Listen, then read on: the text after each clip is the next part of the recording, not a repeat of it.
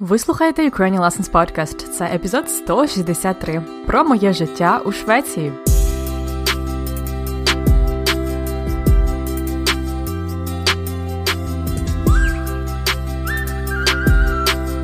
Привіт, друзі! Це Анна Огойко і мій подкаст Уроки української подкаст для всіх, хто вивчає і любить українську мову. Це п'ятий сезон у якому я повільною українською мовою розповідаю вам щось цікаве. Але п'ятий сезон особливий тим, що інколи я буду запрошувати на подкаст гостей.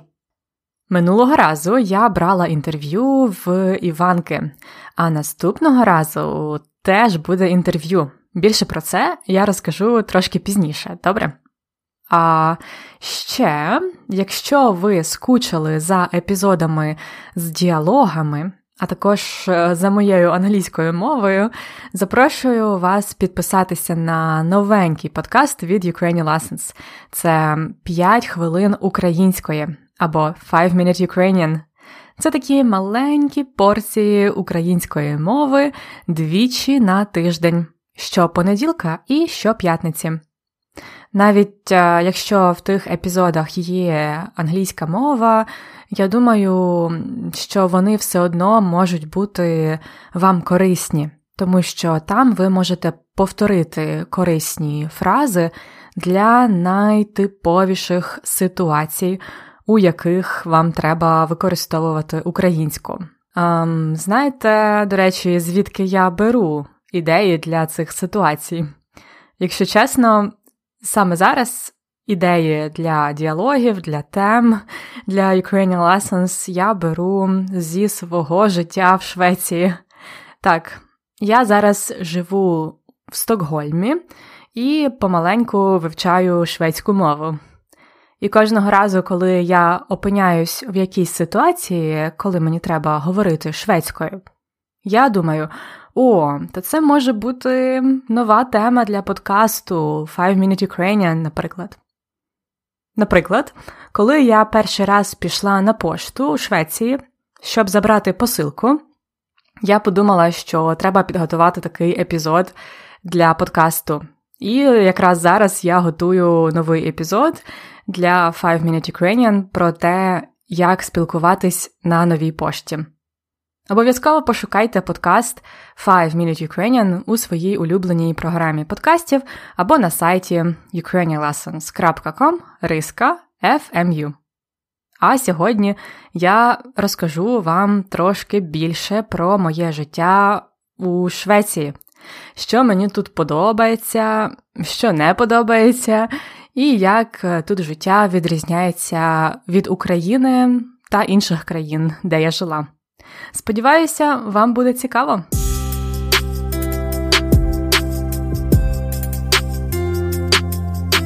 Приблизно півтора року тому я майже нічого не знала про Швецію. Я навіть ніколи там не була, тільки приїздом з Норвегії у Фінляндію. Але якщо чесно, Скандинавія мене завжди приваблювала. І приблизно 14 місяців тому ми з моїм хлопцем подорожували в Новій Зеландії. Е, він е, шукав нову роботу і йому запропонували роботу у Швеції. Ми добре подумали і вирішили спробувати. Все-таки Швеція це не так далеко від України, як Америка чи Нова Зеландія. Зі Стокгольма в Київ е, є регулярні літаки. Всього дві години, і ти вже в Києві. Тому ми вирішили, що поки що будемо жити тут, але часто літати в Україну. На жаль, пізніше стався коронавірус, і через це не виходить часто подорожувати. Але в майбутньому, я сподіваюся, буде частіше. Ми живемо в Стокгольмі. Мені подобається Стокгольм, але ще більше мені подобається загальна шведська культура. Шведи дуже спокійні, доброзичливі, і у них є багато класних традицій. До речі, я знаю, що цей подкаст слухають кілька шведів, тому передаю вам привіт, Хей-сан!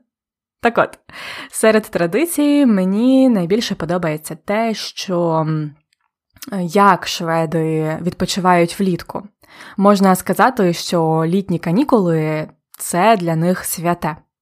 Мені дуже подобається тут погода влітку. Тут сонячно і дуже довгий день, але не так спекотно, як в Україні. Усі без винятку шведи беруть довгу відпустку влітку.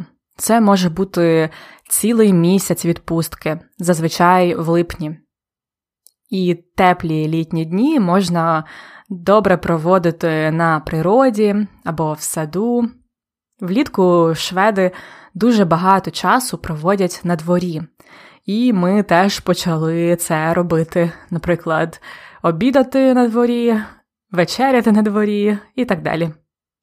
Інший класний аспект це, звичайно, природа.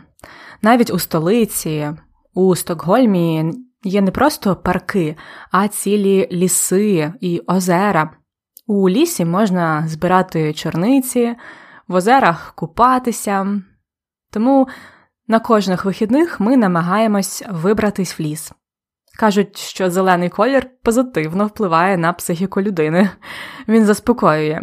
Мені здається, це працює. Дуже багато шведів мають свою дачу, тобто будиночок за містом, шведською стуга.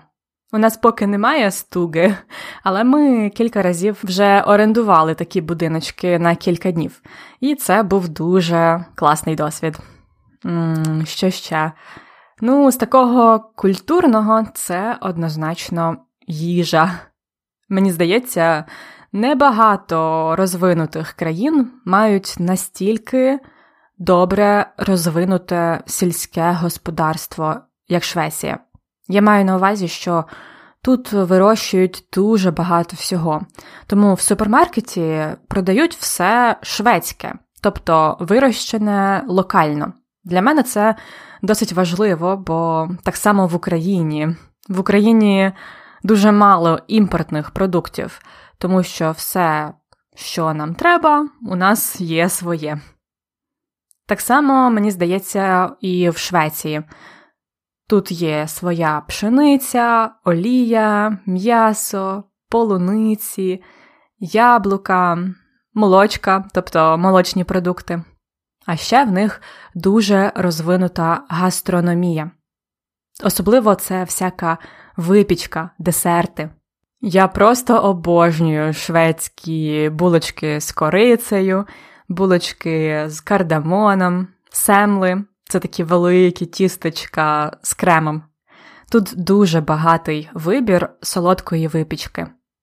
А щодо побуту, то, мабуть, е, мені найбільше приємно те, що тут всюди з крана тече смачна вода.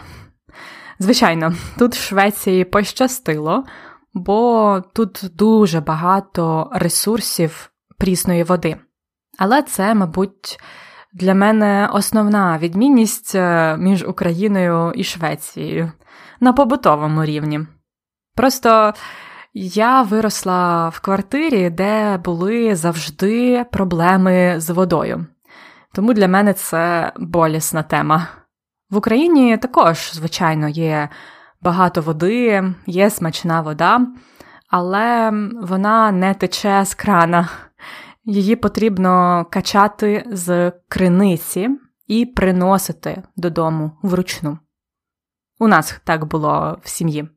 Також е, в деяких інших країнах, де я жила, наприклад, в Америці, також можна пити воду з крана, але вона там не така смачна, як у Швеції. Зараз у часи коронавірусу мене часто питають, як тут ситуація у Швеції. Якщо ви знаєте, Швеція трошки по-іншому регулювала цю ситуацію, і в результаті шведська економіка не так сильно постраждала. Тут люди не носять маски, а діти весь час ходили в школу і в дитсадки. Тобто тут не було обмежень, крім того, що треба, звичайно, дотримуватись дистанції. І якщо чесно, мені це сподобалось. Бо тут так, якщо хочеш, сиди вдома і не виходь. А якщо не хочеш, то виходь, гуляй, ходи в школу, але дотримуйся дистанції. Ну і не кашляй на людей. Таким чином, тут зберігається право людини на вибір, свобода людини, свобода пересування. Я це дуже поважаю. Також в новинах Швеція може бути відома своєю імміграційною політикою. За останні роки сюди переїхали багато іммігрантів, і зараз, наприклад, в Стокгольмі 27% населення мають не шведське походження, тобто 27% людей або народились не в Швеції, або їхні батьки це не шведи. І це досить високий показник. Тут я нічого не можу сказати, бо поки що я тут е, теж в статусі іммігрантки. Але для мене це велика різниця порівняно з Україною. Україна це поки що монокультурна країна. Що мені не подобається в Швеції? Хм. Мабуть, це легендарні скандинавські зими. У Стокгольмі зима не дуже холодна, але дуже темна. Тобто в грудні темніє вже о другій годині дня. Минулого року, наприклад, в листопаді, пам'ятаю, не було жодного сонячного дня, і це досить депресивно. Але рятує те, що шведи ставлять на вікна багато ламп, свічок, і це приносить світло і затишок. Ну і, звичайно, рятують булочки з корицею і кава. Як довго я збираюся бути в Швеції? Ще щонайменше два роки, тобто до 2022-2023, можливо, років. Майбутнє так важко спрогнозувати, правда? Тому поживемо, побачимо. А поки що, якщо будете в Стокгольмі, пишіть мені, сходимо на каву з тістечками.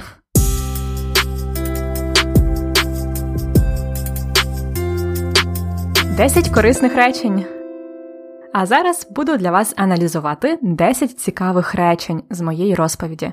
На мою думку, це хороша можливість для вас попрактикувати свою вимову, тому готуйтеся повторювати вголос.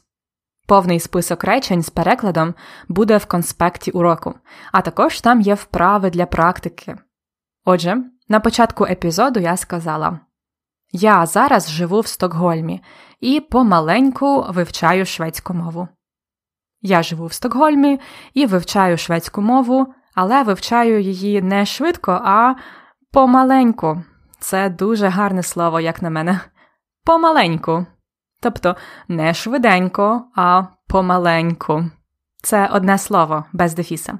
До речі, помаленьку це також відповідь на питання, як справи, як поживаєш. Помаленьку. Тобто, все добре, все стабільно. Наступного разу скажіть це своїм українським друзям. А зараз повторіть за мною речення. Я зараз живу в Україні і помаленьку вивчаю українську мову. Це про вас? Наступне речення. Приблизно півтора року тому я майже нічого не знала про Швецію. Приблизно півтора року тому. Згадаймо слово півтора це один з половиною, півтора.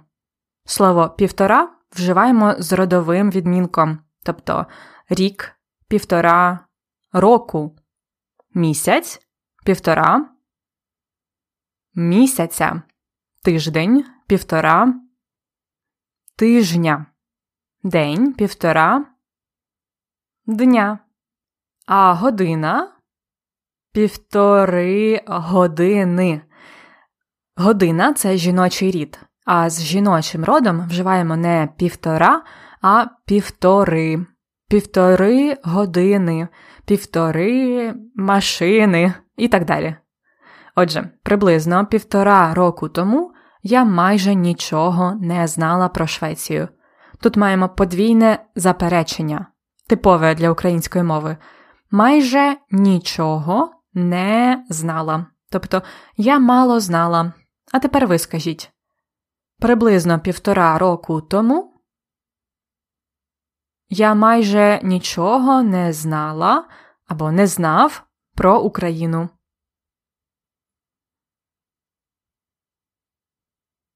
Далі я сказала я навіть ніколи там не була, тільки проїздом з Норвегії у Фінляндію. Я навіть ніколи не була там. Знову подвійне заперечення. Ніколи не була. І я сказала тільки проїздом з Норвегії у Фінляндію. Ми їздили на машині з Норвегії з плюс родовий відмінок у Фінляндію у плюс знахідний відмінок. І ми їхали через Швецію, через плюс знахідний відмінок. Тобто ми були у Швеції проїздом. Ми не зупинялися там, тільки на заправках. Ми просто їхали через Швецію і нічого не бачили там, крім дороги. Ми їхали проїздом. Проїздом. А в якій країні ви були проїздом? Тепер повторіть. Я навіть ніколи там не була. Тільки проїздом. Наступне речення. Літні канікули це для них святе. Це святе. Святе це щось релігійне, так? Ми так кажемо українською мовою про щось, що ми завжди робимо, що для нас дуже важливе. Наприклад, е, я кожного ранку п'ю чай з медом, зелений чай з медом. Це мій ритуал, це для мене святе. А що для вас святе? От для шведів святе це їхні літні канікули, тобто відпустка влітку. Повторіть, Літні канікули це для них святе. Наступне п'яте речення.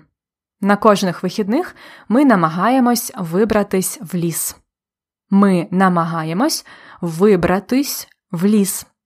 Вибратись це дуже хороше дієслово, щоб сказати, що ви кудись їдете чи йдете, щоб е, зробити щось особливе, що ви не робите кожного дня. Також вибратись можна з якоїсь складної ситуації. Отже, ми щовихідних або на кожних вихідних вибираємось в ліс, або ми ще кажемо вибратись на природу. Наприклад, на минулих вихідних ми нарешті вибрались на природу. А тепер повторіть: на кожних вихідних ми намагаємось вибратись в ліс. Наступне шосте речення. Тут дуже багатий вибір солодкої випічки. Солодка випічка. Ммм, Це всяка смакота, як от печиво, булочки, пироги. Це все солодка випічка, те, що спекли або випекли. Багатий вибір це теж корисна фраза. Наприклад, на сайті ukrainianlessons.com є багатий вибір уроків української, правда? А в Україні багатий вибір овочів і фруктів на ринку. А у Швеції багатий вибір солодкої випічки. Повторіть, тут дуже багатий вибір солодкої випічки. Наступне речення я сказала, коли розповідала про воду. Я казала, для мене це болісна тема. Болісний це прикметник від слова боліти, тобто той, що болить. Голова болить, так?